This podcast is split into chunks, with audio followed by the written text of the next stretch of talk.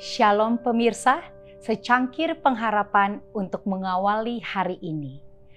Manusia dipulihkan kepada keadaan semula.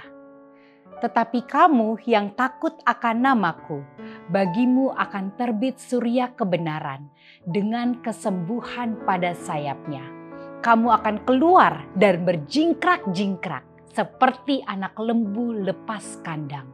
Maleaki 4 ayat 2 dipulihkan kepada pohon kehidupan yang ada di Taman Firdaus yang telah lama hilang itu.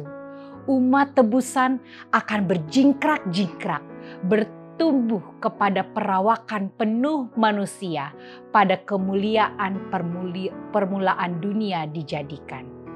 Bekas-bekas terakhir kutub dosa akan dihilangkan dan umat Kristus yang setia akan tampak dalam kemuliaan Tuhan Allah kita.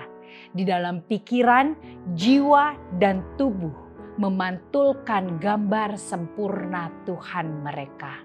Oh, penebus yang ajaib, yang telah lama dibicarakan, telah lama diharapkan dan direnungkan dengan kerinduan yang mendalam, tetapi yang tidak pernah dimengerti sepenuhnya Orang benar yang masih hidup diubahkan dalam sekejap mata.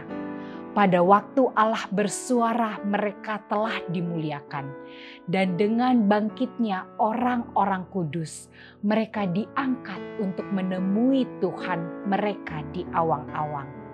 Malaikat-malaikat mengumpulkan orang-orang pilihan dari keempat penjuru mata angin, dari ujung langit yang satu ke ujung langit yang lain anak-anak kecil dibawa oleh malaikat-malaikat suci ke haribaan ibu mereka.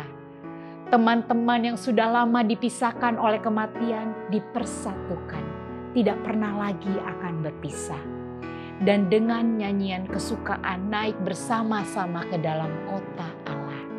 Barisan arak-arakan yang berkilauan itu ditarik ke atas dalam bentuk lekuk segi empat mengelilingi raja mereka yang bentuk perawakannya lebih tinggi mengatasi orang-orang kudus dan malaikat, yang wajahnya bercahaya kepada mereka, penuh dengan kasih yang besar. Ada mahkota bagi setiap orang yang bertuliskan nama baru masing-masing, dan tulisan yang berbunyi "Kekudusan bagi Tuhan." kepada setiap tangan diberikan daun palem kemenangan dan kecapi yang bercahaya. Kemudian pada waktu pemimpin malaikat memainkan lagu, setiap tangan memetik tali kecapi dengan mahirnya, menghasilkan musik yang bersuara lembut merdu. Alfa dan Omega jilid 8, halaman 680 681. Demikianlah renungan kita hari ini, selalu mulai harimu dengan secangkir pengharapan.